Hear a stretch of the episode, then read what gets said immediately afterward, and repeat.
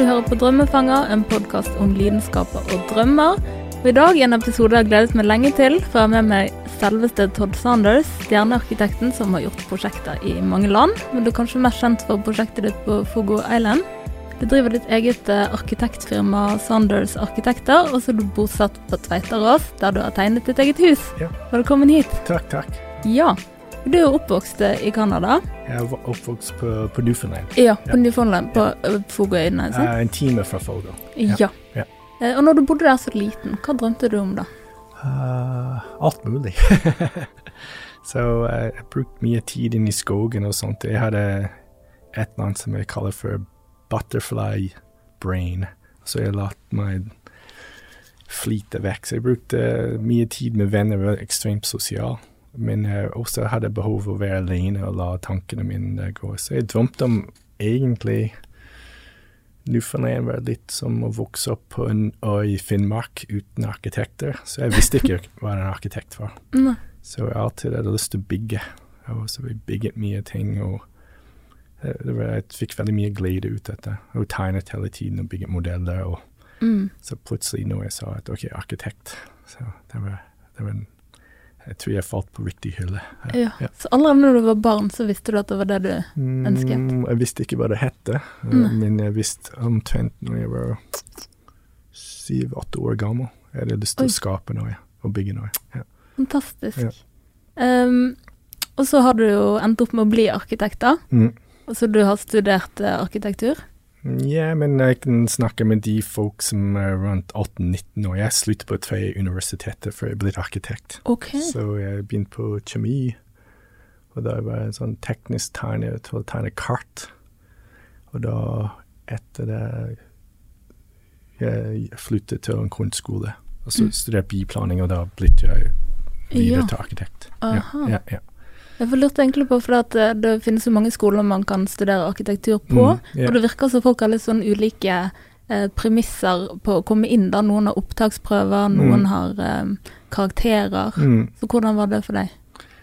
Um, da jeg kom inn på kunstskole, var det en intervju, privat intervju, for jeg Mm. måtte uh, bytte skole midt på året. Ja. Og så det var egentlig en samtale. Og så når jeg kom inn på mastergradet mitt på arkitektur, det var, jeg var på vei til å studere landskapsarkitektur. Jeg studerte i Jeg hadde jobbet i Berlin og Wien, og så i Canada i ett og et halvt år mellom bachelorgrad min og mastergrad. Mm. Og så hun som jeg jobbet med sist, eh, hun var ganske kjent landskapsarkitekt i Canada, og en uke før jeg skal begynne å studere, avslutte å jobbe hos henne, hun gav meg 10 000 dollar og Oh. som en stipend og sa du burde ikke studere landskap og arkitektur, for du kan dette. Så du burde studere arkitektur. Og så hun uh, fikk meg i kontakt med McGill i Montreal. Mm.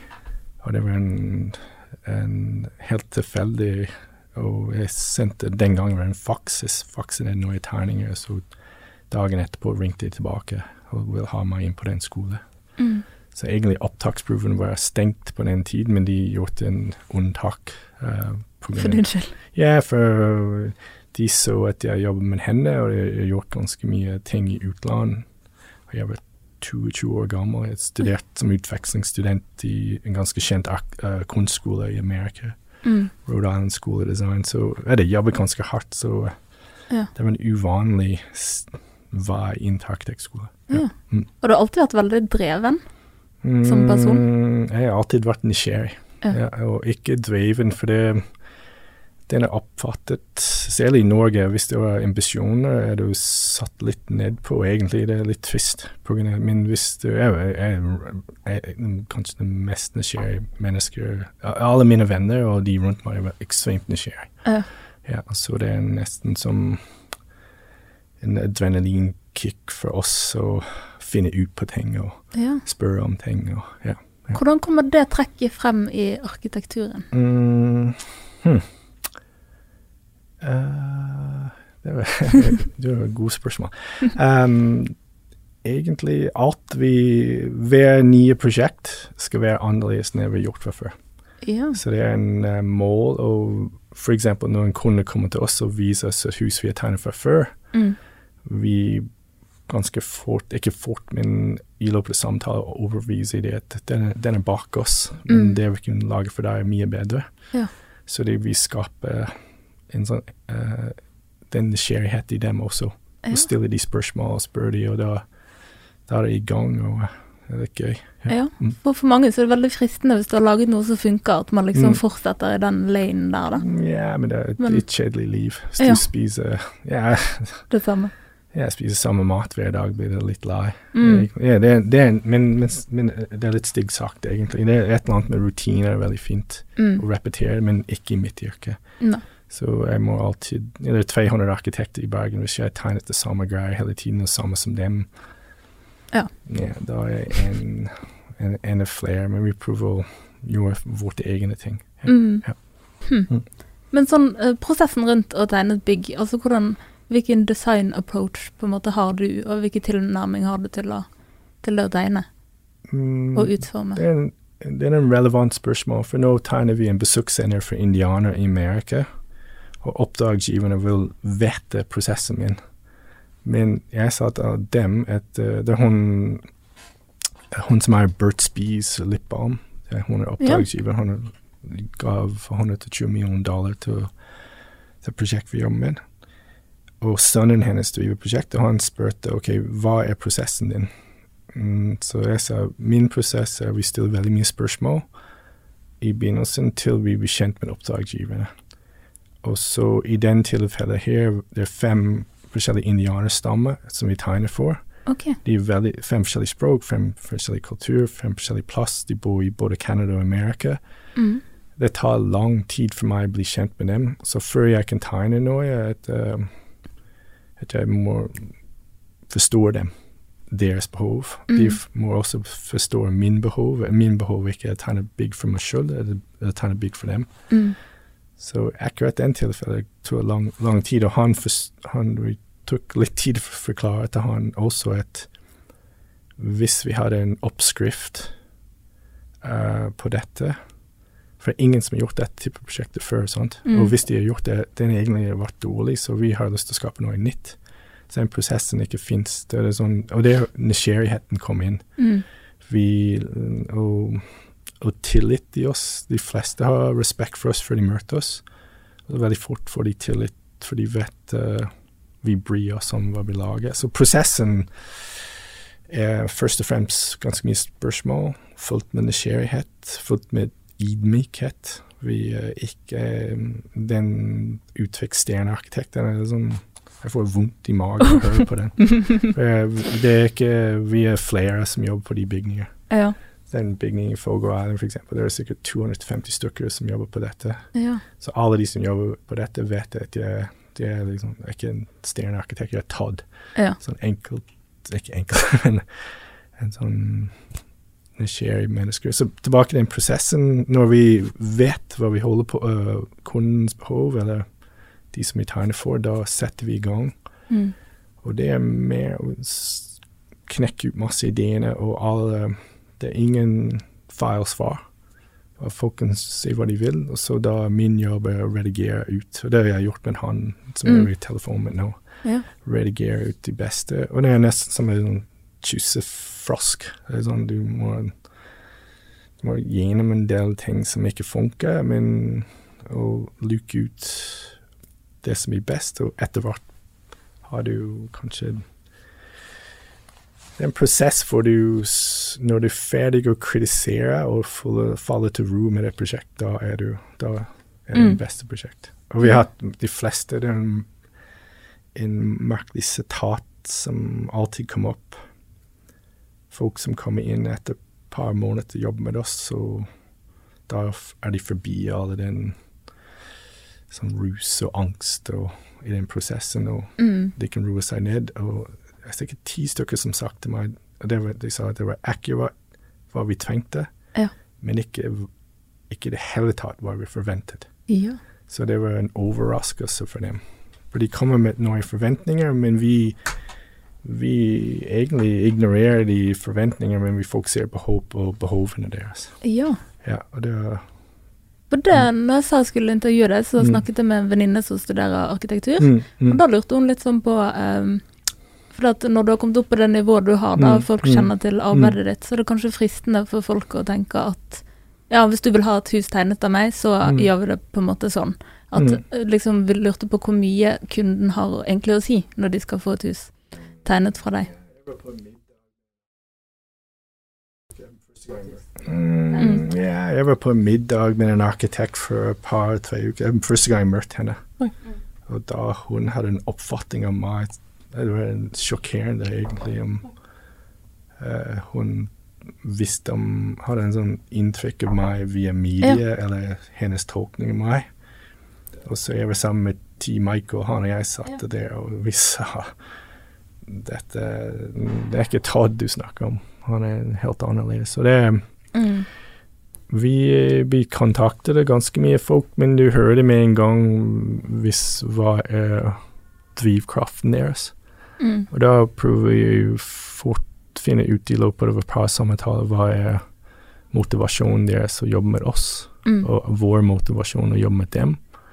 Og så de fleste kommer til oss og møtes, og da går vi rundt og ser på noen prosjekter, og, og finner vi en ganske fin tone, og da, da er vi i gang. Men vi, vi, vi ser ikke nice til så mye folk, for de fleste som kommer til oss, er de er ganske selvsikre, og de er ganske bevisst, egentlig, og det meste er en- eksentrisk på en fin måte, så de, de har gjort researchen deres, og uh, så, men vi, vi er åpne til alt, Mm. egentlig, så lenge de ikke har lyst til å repetere hva vi har gjort fra før. Ja. Litt uh, ta oss eh, utgangspunkt i noe vi har gjort fra før, helt fint, men ikke repetere det. Ja. Ja. Blir det vanskeligere og vanskeligere etter hvert tiden går? Uh, hvis jeg var interessert i penger, ville det vært uh, lettere, for da kan jeg liksom spytte ut arkitektur og uten å tenke på det. Men uh, min drivkraft er å Jeg fortalte en, en venn på mandag jeg, liksom, jeg sprang på jobb mandag morgen. Mm. Jeg gledet meg å komme inn på kontoret. Det, var- Ja. og da, den følelsen der, det, den har vært ganske mye. Hvis du har lyst til å gå på jobb og nyte det og Mm. ja, Men fredag er ganske utslitt. For Ja. det, det, det, krever veldig mye av meg. Ja. så, uh, så det må jeg begrense litt, egentlig. Ja, Mm. ja, ja.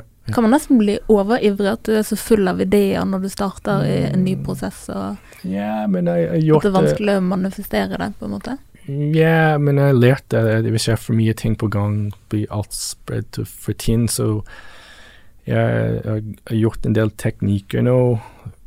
Egentlig har jeg lært fra å lese mye om David Lynch, hans prosess. Hvordan han filter ut ideene og sorterer ideene. Alle, alle ideene hans er viktige. Og skriver ned på sånne, sånne små kort. Og da har jeg jo, Du ser rundt i huset mitt på kontoret med masse sånne jeg vet ikke hvor store de er, men kort med ideene på. Ja. Og da sorterer de etterpå. Men noen de kan ligge der i flere år, og så tar vi det opp igjen. Mm. Så uh, jeg, res jeg respekterer det, men jeg kan ikke gjøre alt samtidig. Og det har jeg gjort for før. Det gikk for fort. Vi er 14-15 stykker på kontoret, og eh, da mister jeg den sosiale kontakt med de som jeg tegnet for. Mm. Og det likte jeg ikke.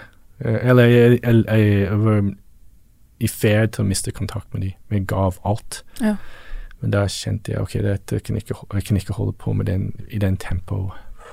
For da blir kvaliteten i faren til å gå ned. Mm. Men så er det siste par år vi, vi um, uh, Ja, vi fokuserer mer på fil filantropisk arbeid. Ja.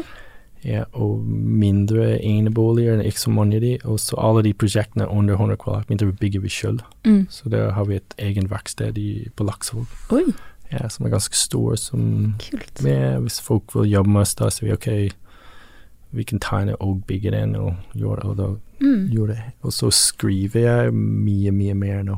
Ja. Så jeg holder på med en bok med Thames Hudson nå i London. Mm. Og så har vi en annen bok med um, en grafisk designer her i Bergen, uh, Ian Holcroft. Ja. også Jonathan Bell, sånn redaktør på Wallpaper. Han, han og Astrid holder på med en bok nå Fantastisk. ja, om intervju kreative folk. Det er mye baller i luften samtidig. Mm, ja, ja. Ja, Ja, ja. ja, men jeg har en ganske balansert liv. Ja. ja, ja. Så bra. Men apropos dette arkitektkontoret ditt, hvordan Mm. gikk du fram for å bygge det? Altså, hvem ville du jobbe med, sammen med? Ah, eh, kan jeg, skal du stille det en gang til? Ja, eh, når, Ja. du, når du bygget eh, altså, kontoret ditt. Og jeg var 27 år gammel da jeg Mm. begynte. Jeg jobbet på arkitektgruppen Cubus. Og det, var, Ja. det, var, det var kjempehyggelig. Det var gammel Det var drivere gamle hippier på den tiden, men det var ganske uorganisert. Og det var 25 stykker der, og Og jeg var liksom nummer 25 på den rekka, så jeg fikk de dårligste prosjekter. Eller Du har vært der òg. ja, så men jeg tenkte så jeg fikk et oppdrag å tegne noe, jeg husker ikke hva det var, men uh, da jeg gikk ut, og da jeg frilanset en del plasser. Ja, ja. Så Mm. etter hvert, uh, jeg tror jeg var 29 år da jeg hadde egen sånn kontor-kontor. Ja, Mm. Mm. Mm. Um, du har jo prosjekter som er ganske tett knyttet til naturen. Mm. Så jeg lurer litt på hva er liksom din um, Ja, hva er ditt forhold til natur? Mm, et eller annet jeg oppdaget nå, at jeg alltid får mye fra naturen. Den alltid gir mer enn jeg spør etter.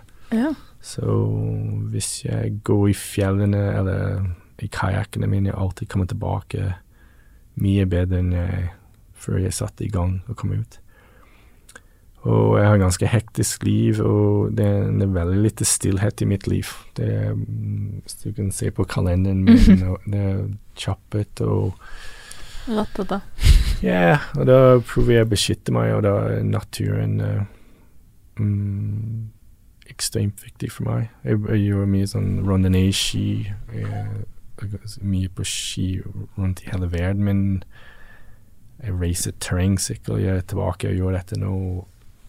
Jeg bruker sikkert 10 timer i uke, 15 timer i uke ute i naturen. Ja, jeg må, jeg må ha det. Ja. Ja, så, og nå er det mer behov å være alene Mm. ute i naturen. Det har jeg gjort mye i Drange. Jeg er 15 år, en halv ute i Drange. Mm. Ganske mye der ute og løper på eh, en øy som Ole Bull eier, eller Ja. Lis, Lisøyen. Ja. Så jeg, ja, ute der. jeg padler kajakk bort der om morgenen ganske tidlig. Ja, Seks om morgenen og springer alene. Og, da finner du ro. eh, jeg prøver Ja. før alle tingene begynner å komme. Ja. Ja, ja. Og så har du sikkert mye forhold til sånn solforhold, sant, du må tenke når du I skal Bergen? Ja, nei, men med byggene, sant, hvor kommer sol, Ja, ja, hvor faller Ja, den vi, we Prosjektet vi jobber med de indianere i Canada nå, de heter the, the Children of the Dawn, sånn soloppgang. mm. Ja, og den, men på, i, på Bergen er det en kveldssol. Det er den, ut, den fineste uttrykk jeg har hørt på norsk. Den heter aftenrød. Den um, Ja. når solen går ned. Det var jeg og datteren min fredag kveld, vi kom ut i butikk, og der var en himmel det var helt Det var, Ja. det var ganske fantastisk. Så, ja. så Og alle husene i min, min nabolag er rettet mot sør. De balkongene det, Ja, det Mm. Den er um, Den er mangelfull i Bergen, den solskinnet. ja. ja, så, Når den kommer. så når den kommer, er det fantastisk. Ja, ja, Det er nydelig. ja, ja. Um, jeg tenker sterke linjer, altså utsiktspunkt, uh, Mm. geometriske former. Det er litt av det jeg tenker på Mm. liksom karakteriserer din stil. Men hvordan vil du sjøl beskrive Ja, det er fra utsiden. Ja. Ja, men når du snakker med f.eks. han som jeg tegner huset på på uh, Gjellestad Ville G Mhm. Eh, Hver gang folk beskriver hans hus, det en sånn ufo og Det var på den tiden, for det var ganske friske former på den tiden. Mm. Men han alltid forklarte huset, gjort livet hans og familien hans mye lettere og mye bedre å bo der. Så vi begynner inne. Mm. Men av jeg gikk på kunstskole, form og materiale er ganske viktig. Men også eh, vi bruker mer tid. De fleste kan løse planløsning innvendig og lage en kasse, og da er de ferdig. Mm. Men det er ikke nok for meg. Nei. Vi kan løse den, og da begynner vi å myke det opp, og for eksempel når det er snakk om solskinn og vind, for eksempel ville Gary dratt ut en vegg til å beskytte fra nordvinden, men det var ganske fin utsikt. Mm. Så vi hadde hatt en vindu utvendig Ja. i terrassen etter stoppet vind, så det så utsikt, men det beskyttet fra vind. Ja. Og fra andre siden satte du i li fra kveldssolen, og ja, Yeah. Det er mye dere må tenke på. Men da, da Mm. lurer jeg litt sånn på, Mm. kanskje hvert fall det som går på sånn geometriske former og sånn, altså Mm. sitter du, altså tenker du abstrakt, sitter du på en måte med klosser foran deg og på en måte vrir og vender, altså hvordan Hva er din approach der? Jeg, jeg tegner først og fremst og lager de ideene, og uh, det er mange som kommer til kontoret som også gikk på kunstskole. Så geometriske former, den var Den prosjektet vi jobber med indianere, det er ikke geometrisk i det hele tatt. Det er ingen, Mm.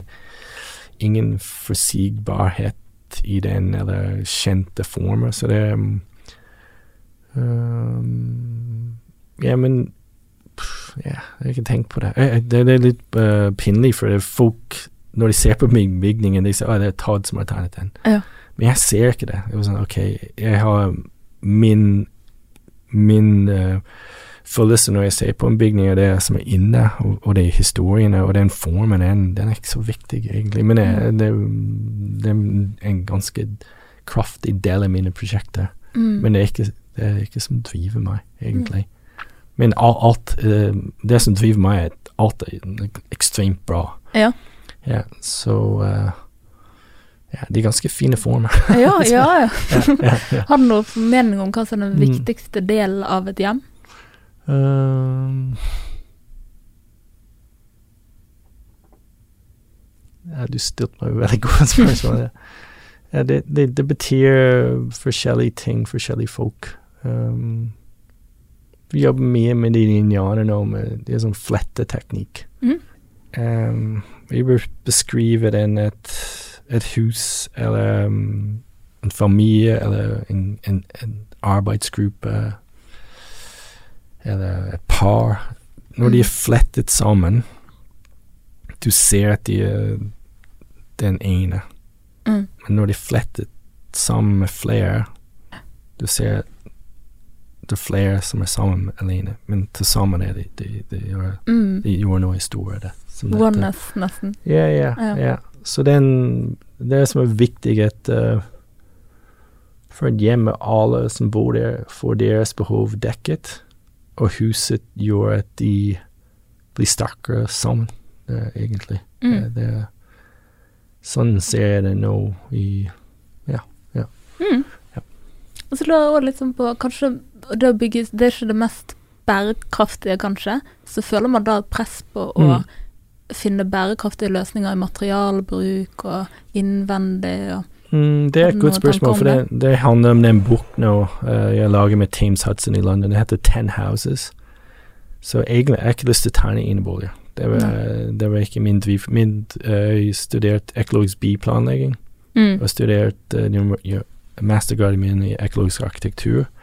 Og så mitt første, første firma i Bergen som heter Økologisk planlegging design. Men Mm. på den tiden, selv om vi hadde Grown Island Brundtland så det var ikke interesse, interesse for det. Mm. Så jeg måtte ta de jobbene jeg fikk, og jeg fikk sånne små prosjekter. Og når vi gjorde en hytte oppe i Hardanger, da begynte vi å få sånn hytte Mm. og hus.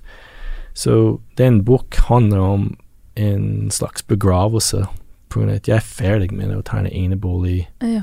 hele tiden. Jeg vil rette fokus min på mer som samfunnsengasjert prosjekter som Fogo, Mm. og de prosjektene gjør med de indianere, og så tegner vi en ganske stor økologisk landsby nå ned ved siden av Sundvolden hotell. ja. Så vi har de, de ting kommer på grunn av når du er 5-26 år gammel i Bergen, du kan ikke norsk, du har ikke penger, du har ikke en onkel som kan gi deg oppdrag, du har Mm. ikke studert her, du kjenner ikke reglene, du får ikke de oppdragene. Nei. Men nå er jeg i en situasjon hvor jeg kan si ok, jeg vil ha de type oppdragene, jeg går gå etter de. Mm. Så nå um, Nå kommer de meg, min vei, men jeg skal ta ned én eller to enebolig per år. Men Mm. um, og grunnen jeg gjorde det, egentlig for Jeg tror mitt, min kunnskap og drivkraft har mer til å bidra på en annen nivå. Mm. Men det var et sånn uttrykk på engelsk 'a victim of circumstance'. Ja. Um, hvis en 25 år gammel norsk arkitekt flytter til en liten plass i Canada, de ville spise hva de kunne til å overleve. Og uh, ja, egentlig, det var den situasjonen jeg var i. ja. ja. Og apropos, det er jo Fogo Mm. Island et godt eksempel. Mm. Men uh, hvordan føltes det med et sted som du er så tett knyttet til, og så kunne komme og gi noe sånt tilbake som hotellet og kunstatelierene? og Mm. Hva ga det på en måte deg å gjøre det prosjektet? Mm, nesten. Jeg leste om noe tekst et par dager siden. 51 emosjonelle tilstander. Mm. Jeg opplevde alle 51 med det prosjektet. Det var Wow. enormt Wow. um, Jeg har alltid hadde konstant hjemlengelse siden jeg bodde her. Så, og når du får en arkitektutdanning i Newfoundland, det er akkurat som du får uh, Jeg intervjuet i går for University of Hawaii. Jeg sa til dem at uh, det er akkurat som du skal drive en, en bedrift og uh, sånn, rydde snø i Hawaii. Det, Mm. det, det er ikke jobb for deg. Nei. Så jeg utdannet meg vekk fra hjemmet mitt, egentlig. Mm. Og så når hun oppdragsgiver Zita Cobb ringte meg ja, det var, jeg, jeg kunne ikke tro på det. Nei. Det var Ja. Det, det er fremdeles i dag det beveger meg når jeg snakker om det. For det, det betyr mye for meg. Og, men hun plukker meg ut fra 50 arkitekter. Ja. Eh, hun aldri ser etter min ansikt, for vi har en sånn morsom tone sammen. Men hun ser til alle at uh, jeg visste at han vil ikke gi opp. Han Mm. hadde Jeg får jeg spørre Eh, hva tror du gjorde at eh, det ble mm. du, men da sa du egentlig det. Mm, hun sa at jeg hadde så mye å tape som henne hvis det gikk galt. Mm. hun visste at uh, Hun så i meg at uh, han Arne Selen, han landskapsarkitekt som tar Festplassen og sånne ting, han skrevet en um, attest for meg en gang for en professoratstilling, og han beskriver meg som MacGyver. Mm. Han sa hvis du slenger tatt ut i, uh, i sibirsk uh, uh, i august Mm. i år, hvor han kommer tilbake neste år med eh, en kjempesuksess, masse venner og bankkontoen full og to suksessfulle bedrifter og masse god historie. Han sa han Mm. er en som kan få til mye med ingenting. Og det er hun Jeg tror hun så i meg at jeg gikk opp, og jeg, jeg, jeg, jeg jobber med arkitektur for hjertet mitt, og alle sansene mine er Mm. med på det. Og Ja. kanskje har lagt igjen en del av seg sjøl på Og der? Ja, Ja. ja. Jeg har kjøpt to hus der nå, en gammel skole, så, og så jeg gav uh, alle pengene mine fra den sånn overskudd for den første boken min til dem. Ja, Mm. ja. Så uh, uh, ja, ja. Også i fjor jeg var der og padlet rundt hele øya. mm. Og det er 85 km padlet kajakk. i to dager, og så jeg kom inn ganske sent en første kveld sent, men hele Ja. hele uh, 2500 mennesker visste at jeg var missing. Mm. Og det var en ganske fin følelse at du Ja, alle passer på meg der. ja. Så Men det ja, det, var, det, det, det er tusen gode historier fra den plassen. ja. Mm. Nydelig. Mm. Eh, du har jo tegnet ditt eget hus. Og jeg Mm. lurer på hvordan, når du, når du lager noe for deg sjøl, eh, er det vanskelig å Hvordan skal jeg si det, da? Eh, Det ja, er det vanskelig? Ja, det var veldig vanskelig. For det du, eh, For det første ja. Uh, Da må du ta den budsjetten på alvor. Mm. Eh, Det jeg gjorde, jeg, jeg engasjerte en, um, en kollega fra en annen Erstad Lekvin til å passe på pengene. Jeg Mm. jeg har så mye penger, da må vi klare det. Og vi klarte akkurat Mm. på den beløp. Og, men, det var, men det var seks år siden jeg fremdeles redd å gå til postkassen, for jeg er sånne fakturer som kommer i postkassen. så det var den biten. Um, det var tegnet for min familie, for begge datterne mine. Mm. Altså, de har hatt det veldig fint. Men det var en schizofren, for du er både oppdragsgiver og arkitekt. Og, det Og går i-. Ja, og, ja, en lang samtale med deg sjøl. Mm. Jeg har lyst til å gjøre det igjen. Jeg har lært ekstremt mye. Ja. Ja, og så det sitte i ryggraden din når du erfarer noe personlig. Mm. Og jeg, jeg, jeg anbefaler alle de arkitektstudentene arkitektstudentene kommer til meg liksom, bygge et eller annet. Mm. Hvis det er to kvadratmeter, bygg, bygge det sjøl og få Mm. en forhold til dette. ja. Kan man føle på noe ubesluttsomhet når man skal ta beslutninger Ja, for seg selv? Ja, Ja, men det er en fin øvelse. Du må ta Det er sånn det er livet. Sånn, du må ta en øvelse og leve med den. Ja. Mm, jeg har, Du må det nå, Jeg, jeg mener, jeg holdt forelesning i fjor om uh, vi, vi skal ha et forelesning i Oslo. Det, vi skal snakke om hva som helst, ikke, men ikke arkitektur. Og jeg mm. snakker om uh, uh, å ta beslutninger. Ja. Og den heter 1000 Decisions. For du tar 1000 beslutninger i løpet av dagen. Mm. Men hvis du ikke er bevisst over det, kan du bestemme deg inn til en helvete. Mm. Så uh, men, min, men jeg er veldig bevisst hvordan jeg tar avgjørelser. Ja. Liksom hver eneste, De tusen avgjørelser i, i løpet av dagen er jeg bevisst. ja. Ja, for det du holder på med i dag, er mest sannsynlig hva du holder på med i morgen. Mm. Og så i morgen blir til, og så plutselig du er Mm. Jeg ser det hele tiden. 26 år, 36 år gamle arkitekter er frustrert og sånn OK, du har brukt 16 år i livet ditt og ikke tenker deg om hva du gjør, egentlig. Det er egentlig din feil. Mm. Ingen andres feil. Så du må være klar over hvordan du, hvor du setter energien din på. Det er godt sagt.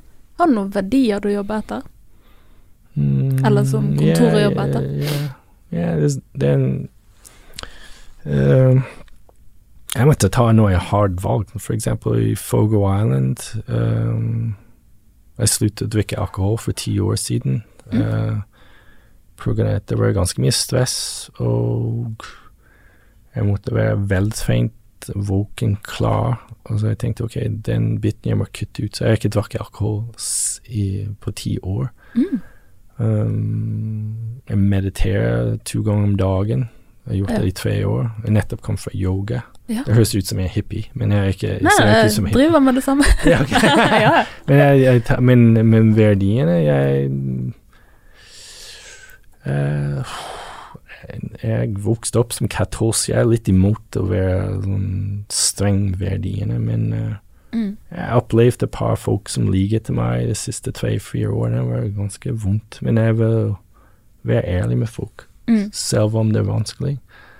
Og jeg vil ta vanskelige samtaler ganske fort. Ikke Mm. fort, men i løpet av 24 timer hvis det er noe som må tas opp, jeg tar opp.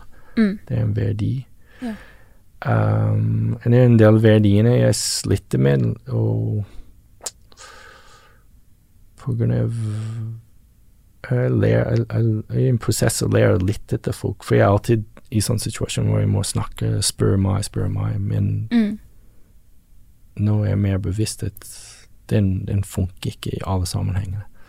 Ja. Så mine verdiene, de endrer seg hele tiden, så uh, um, Men det var en morsom verdi når det gjelder arkitektur. Uh, Mm. det var han som tegnet en peis som henger ned. Ja. Så han Første utkast han sendte oppdragsgiver, sendte tilbake, sendte tilbake. Da han oppdragsgiver til å rable på den. Blir, han designer blir litt frustrert. Så til slutt han sendte en sånn bilde tilbake. 'Life is too short to make shit'. så kanskje det er en verdi. Kanskje det er en verdi. Ja. Ja, at man eh, ja, ja. s- setter en høy Ja. Mm, yeah. eh, Personlighetsmessig, hvem tror du arkitektyrket passer for? Mm, jeg leste om er 16 forskjellige typer personligheter. og alle passer til arkitektur. Mm. Men media, folk som i media, din verden, vil, Ja. vil ha en stjerne.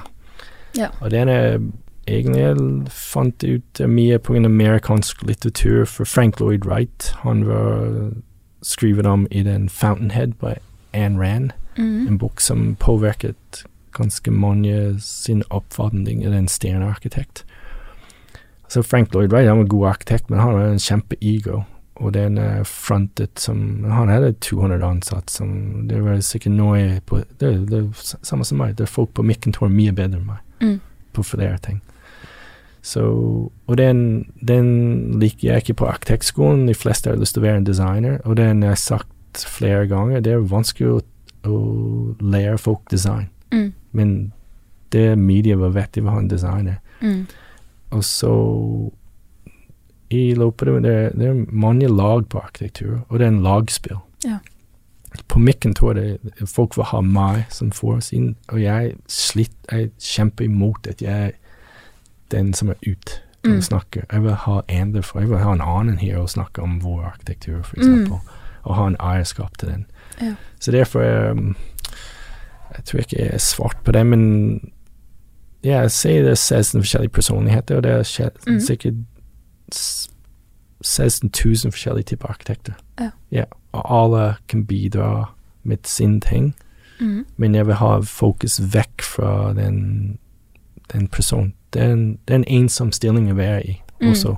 Ja. At alle, alle sier jeg, Vi har sånn um, forhandling nå med en professor fra New York University, og mm. hun Jeg sa til henne jeg vil ikke være i den rollen hvor alt går gjennom meg. Jeg vil ha mer likestilt uh, sånne avgjørelser, Mm. og at folk tar ansvar. For det som gjør at folk blir litt lat rundt meg. Mm. For de sier 'Å ja, Todd skal løse det', Todd skal løse det. Ja.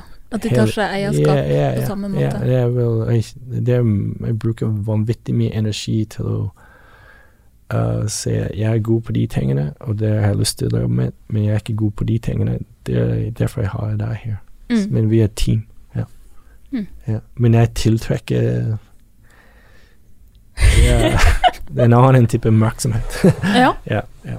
det blir jo kanskje sånn. Mm. Eh, er det noe verk eller noe bøk, altså noe som har inspirert deg? Blir du, hva blir du inspirert av? Mm, akkurat nå uh, Jeg leser en koreansk buddhist, uh, Thich Nhat Han. Han driver en sånn landsby i Frankrike, men han flyttet hjem nå, for han fikk en slag. Han er over 90 år gammel. Mm. Mye han for tiden.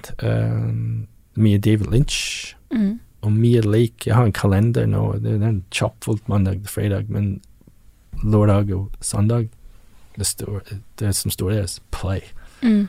Det er det som opp, opptrygger meg. Vi, vi leker ikke nok lenger. I, I arkitektur, forretning og, og Ja, det, det savner jeg med Canada med den koronatiden, for det, folk er mer lekent her. Er sånn, du kan være en hel uke i Norge, og den eneste samtalen du har, er at du vil ha en pose Ja. eh, på matbutikk. Det, Mm. det har jeg lyst til at um, vi kommer litt vekk fra. Og det, Ja. eh, det er litt sigtsagt. Nei. Nei, det er jo kanskje sant. Yeah. Men har du hatt perioder der du på en måte Mm. mista litt kontakt med det som egentlig var gøy med arkitektur, og det som egentlig var lidenskapen? Ja. Jeg- jeg- Vil du fortelle? mm,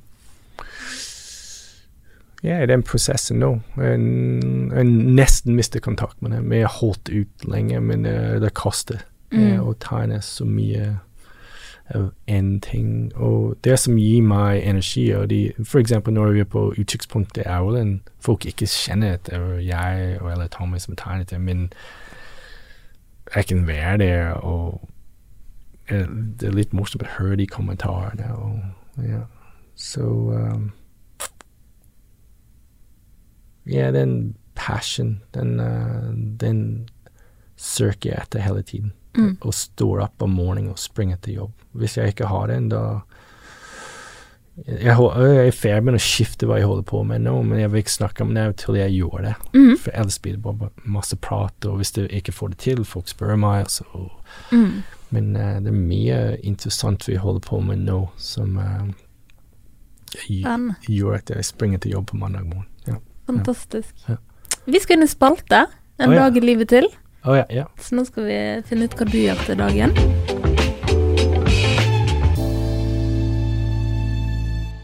Eh, når står du opp om morgenen?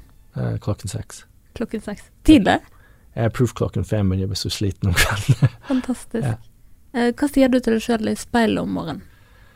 Uh, den har endret seg. Jeg var ganske hardt med meg selv. Det var jeg lagt merke til. Det er veldig høye forventninger og veldig høye krav for meg selv. Jeg visste ikke det. For, uh, men nå uh, Ja, i dag tenkte jeg OK, nå skal du sakte ned litt og la ting komme til deg, og ikke springe etter. Og Derfor jeg måtte ringe til deg og si at jeg er Mm. litt forsinket i dag. Ja. Jeg kunne vært her på den tiden, men jeg bare kastet meg Ja. Ja, så uh, akkurat nå skal jeg snakke med en, en god venn som er en ganske kjent sjef i, som skal åpne restaurant i New York. Mhm. Så så okay. jeg, jeg lagt plass til han, for hun, manageren min sa vi kunne ikke snakke med han om, om to ukers tid, for det var fullbooket. Men jeg fulgte i dag, hadde lyst til å eh, connecte med han, for han er en god venn av meg. Ja, Ja. ja, ja. Ja, Nå må jeg bare ta et sånn off-topic, men hvor Mm. mye styr har du på din egen kalender? Mm, det var ganske mye. Jeg fortalte 14, pip, 14 mennesker, to professor og en ganske sånn billionær mm. på onsdag. Jeg skal hjem klokken fem. Jeg vil ikke jobbe, for vi- de prøvde å sette det. Men jeg må beskytte meg hele tiden. Fredag kveld jeg ble ringt av en oppdragsgiver fra Oslo. Uh, jeg måtte tekste tilbake og si jeg klarer ikke å snakke i dag, for det, det er datteren bursdag i morgen. Eh, en som ringer fra London på Så jeg må beskytte meg sjøl. Mm. Men nå er folk Det vises litt respekt for meg, det er konstant Jeg må beskytte meg sjøl for min egen kalender, for Mm. jeg har høy kapasitet. Mm. Men um, Men um, Altså, jeg blokk, eh, sånn, det heter time blocking. Mm. Så nå er torsdag jeg jobber med skriving de bokene. Så uh, on, sånn, jeg har sånn mandag, tirsdag, onsdag jeg jobber med de inne i andre, sånn blokk av tid. Så det derfor jeg Mm. liker å jobbe med de store prosjektene, for det, da kan du booke av eksempel et helt år. Mhm. For eksempel, jeg har samme møte nå med de i det neste ett og et halvt år. Det er jo ganske behagelig. Ja. En sånn rutine. Hvem er den første du ringer til? Uh, Nei. Hemmelig? Ja, nei. Ler du? Eh, nei, min, min yngste datter, for jeg har alltid vet at jeg får et ganske morsomt svar fra henne. Ja. Hun er ganske optim Begge mine datter er ganske optimistiske. Vi skal på sånn roadtrip i morgen. Mhm. Ja, så jeg kjøpte en sånn Land Rover um, med en telt på toppen. Og Ja. i morgen klokken tolv skal vi nordover i fire dager uten å vite hvor vi skal. Så jeg, jeg ringer til dem, en av de, og det er litt eh, Litt i forhold til hvilken mood jeg har. Eh, Mhm. ja. um, Kjekt. Ja. Uh, Hvilket ord bruker du mest i løpet av dagen? Øh, den endrer seg hele tiden. Mm. Ja, det var en til god spørsmål. uh, takk. Takk. Jeg prøver er å være mer takknemlig for de rundt meg. Jeg, jeg, jeg ringte hun manageren min i dag morges og sa at uh, jeg fortalte en venn av meg i går det du gjort var bra. Og hun venninnen av meg spurte sa du det til henne. Jeg sa «Nei, det gjorde jeg ikke, men jeg ringte med en gang kort over ni og sa det du gjorde i går med han fotografen, jeg takker deg for dette, for det Ja. hjelper meg veldig. Så Fantastisk. Mm, og ja, og det er litt litt trist med den raske liv jeg har hatt, at jeg fikk ikke tid å Som jeg er veldig god på, å ha gode samtaler med folk, og ha tid med det. Mm. Og det Og det Da kan du takke folk og sette pris på dem. Mm. Derfor jeg beskytter for eh, øke kvaliteten og minke kvantiteten. Ja. Ja, og da Når det gjelder arkitektur, det Det jeg liker ikke når de folk møter deg. Hvor mange ansatte har du? Er du travelt? Ingen spør at har du økt kvaliteten på jobbet ditt. Mm. Det, det er alltid jeg har lyst til Ok, det største arkitektkontoret i, i Norge. Det bryr meg egentlig. Hvem som lager det beste. Det er som, hvem som øker kvaliteten. De spørsmålene må stilles mer ofte. Mm. Å være travelt og Da får jeg ikke tid å si takk til folk. Ja. Mm. Ja. Takknemlighet er bra. Mm. Eh, Hva lager du helst til middag, og hvor er du når du spiser den, og hvem spiser du med? Det er et privat spørsmål. ja, ja. Jeg kjører på. Um, jeg spiste torsk i går. Jeg laget den med Jeg lagde bakt broccoli og gulrot. Mm. Med to skiver med torsk med sånn uh, breadcrumbs, hva heter det, kalve? Ja, på toppen. Med tomat, sitron og hvitløk. Uh. Uh, jeg spiste uh, Ja, jeg, jeg kan ikke si hvem jeg spiste, men, Nei, det er helt greit. men en veldig god eh, venn. Ja. Ja. Mm. Hva gjør du helst på en fridag? Uh, terrengsykling, det jeg gjør mye av nå. Jeg fikk en glede Det er en sykkelbutikken her på Fusangerveien. Han har som eier den. Uh, kjempefin fyr. Ja, jeg vil anbefale alle å bruke han. Mhm. Ja, for vi trenger mer sånne butikker i Bergen. Vi trenger sånn støtte de lokale. Ja, Absolutt. og nå har jeg, jeg begynt med motocross Mm. på fredag kveld. eh, nettopp. Ok. Ja, men den Jeg burde ikke si det her på Den uh, um, Ja, altså nå Ja, den turen til de neste fire dager. Vi skal på sånn roadtrip. Gøy. Ja. Hvilke podkaster hører du på? Uh, Mind Mastery. Mhm. som Michael Gervais. Han er en psykolog, um, uh, idrettspsykolog for Nike og for Seattle Seahawks. Oh. Ja, og så hører jeg på Dan Harris og Sam Harris. Uh, jeg kan åpne det. Ja. Hvilken uh, podcast hører jeg på? Det er Yes. litt uh, The Daily Stoic. Ja. Eh, Tim Ferris. Eh, den er ganske bra. Peter Attia, en kanadisk leg lege som bor i Los Angeles. Eh, The Practical Stoic. Mm -hmm. Eh, Finding Mastery. Ja. Det er han, Det eh, Mike- mastery. ja, Finding Master har Michael Gervais. -hmm. uh, Making Sense, Sam Harris, og et Here. Ja, Thich Han Han -hmm. sin podcast. ja. Du er ganske mental type. Uh, ja, Yeah, Tenker mye, yeah, ja. mye i det. Det jeg prøver å gjøre, ikke Jeg prøver Det er ganske slitsomt Mhm. for å ha um, en En sånn uh, butterfly brain Mm. som er også veldig aktiv. Ja.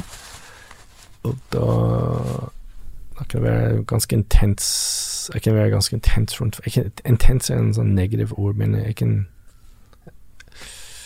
Jeg kan ta mye plass på en fin måte, Mm. for jeg er veldig til stede. Ja. Og jeg er veldig engasjert, sånn nysgjerrig. Så jeg, Og jeg, er- jeg er ekstremt optimistisk. Ja. Jeg, og jeg er en jeg forsker, sånn explorer. Ja. Det, um, det fant jeg ut. Men det er ikke alle sånt. Det, og det um, oppdaget jeg det siste. Jeg har litt problemer med introverts, Mhm. men nå elsker jeg dem. Okay. Egentlig, det tok meg litt tid. Jeg er litt fant meg litt ubehagelig rundt dem for ett år siden, men nå er jeg veldig glad i dem, Mm. egentlig. Så, Hva er forskjellen?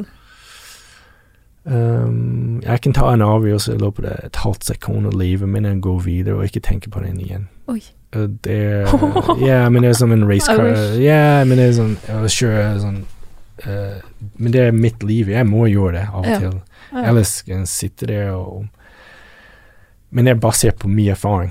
Mm. Mm, For eksempel å kjøre terrengsykkel, kjøre terrengsykkel 75 km i timen nedover bakken, og da har du ikke tid til å Da er inni, no. inni deg. No. Men de introverts, de bruker en, to, tre, fire dager, og av og til de kommer tilbake med en veldig god avgjørelse, så Mm. jeg setter mer pris på det. Mm. Og de ler meg litt, da. Og det Så et eller annet mellom meg og en introvert eh, Og jeg er ganske introvert sjøl, fant jeg ut. Jeg, Ok. Når det syvende og sist at selv om det, det går veldig fort og mye engasjement, og jeg får mye ting til, Mm.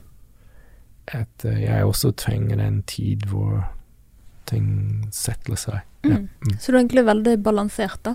Nei, ikke Nei? Nei, nei, nei. Jeg, jeg, jeg, jeg, jeg Å være balansert er ikke et mål i mitt liv. Min, no. Målet i mitt liv er å uh, finne ut hvorfor jeg er her, egentlig. Mm. What am I? Ja. Eh, Ikke who am I? Det er en sånn egoistisk spørsmål, men Mm.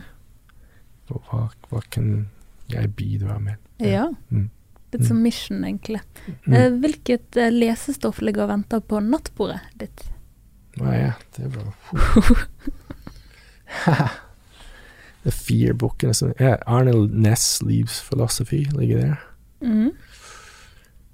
Det er om en en neurolog, uh, sånn brain scientist. uh, det er sånn polyvagus nervous system som jeg har oppdaget noen siste år. Hvordan du kan Jeg i sånn, ha- sånn ganske intense situasjoner komme rett ned og puste deg inn i en situasjon hvor du har Du er ganske til stede. Mm. Og er en bok fra Thich Nhat mm -hmm. og en Annie Proul-bok, sånn hun som skriver Shipping News. Og det er en forfatter fra Newfoundland.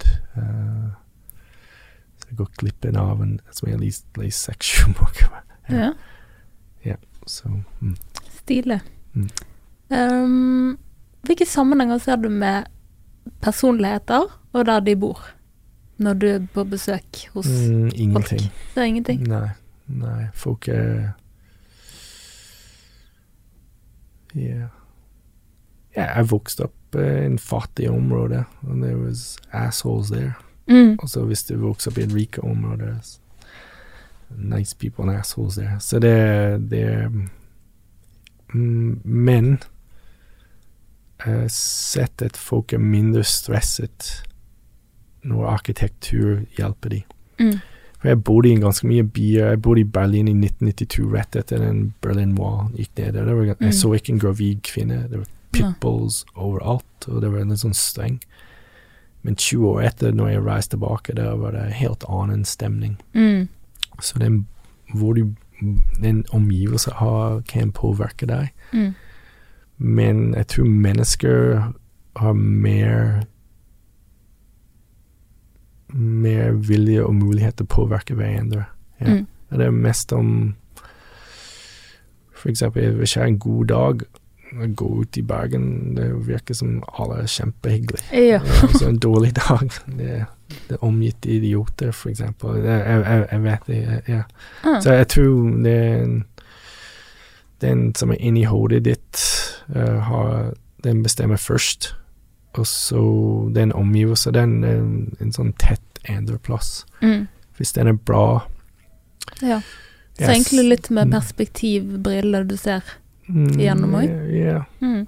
og, og stillhet. Jeg har lagt merke til når jeg var en sånn konstant lead Mm. eh, i bakgrunnslyd. Det er ganske stressende, folk vet ikke det. Mm. Ja, og det har jeg lagt merke til når jeg kommer ut i naturen. Jeg sover mye bedre, jeg kan sove en halvtime mer og mye dypere. Og, men hvis for eksempel hvis du sover i en, en by og folk skriker og hyler og Ja, ja. Så mm, det er sikkert veldig gøy for dem. Jeg er full eh, student i Bergen, men det, Mm. Ja, det- Ja. Hva var det siste bygget du ble skikkelig imponert av? mm.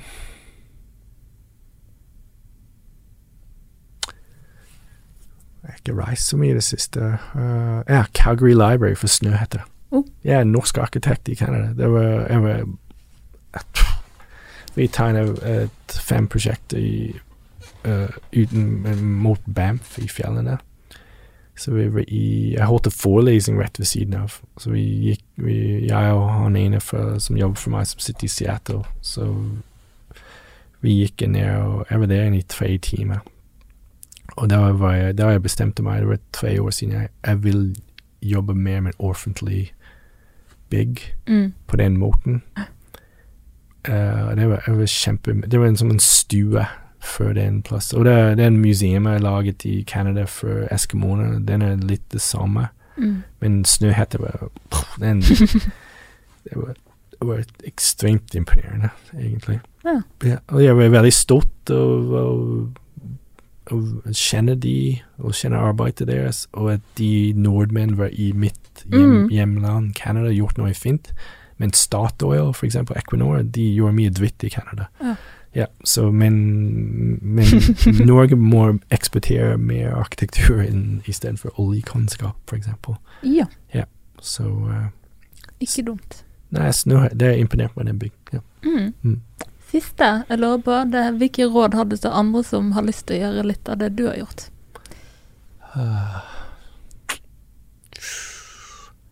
Mm.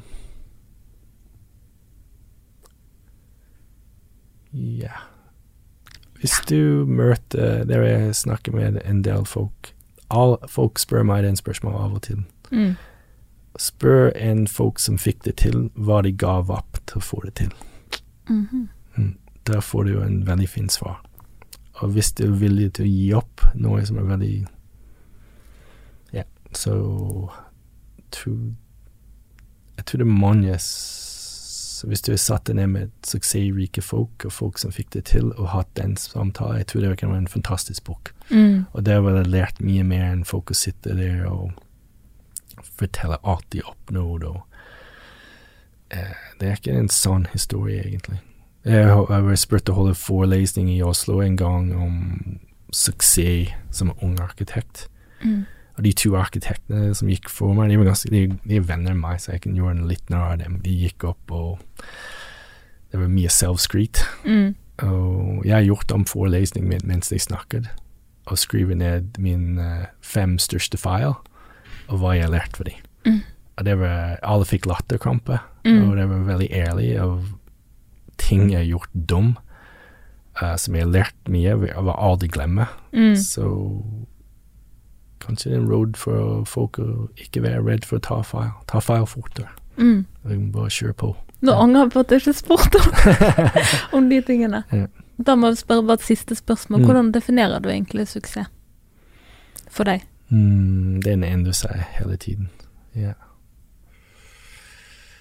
Ja. Um,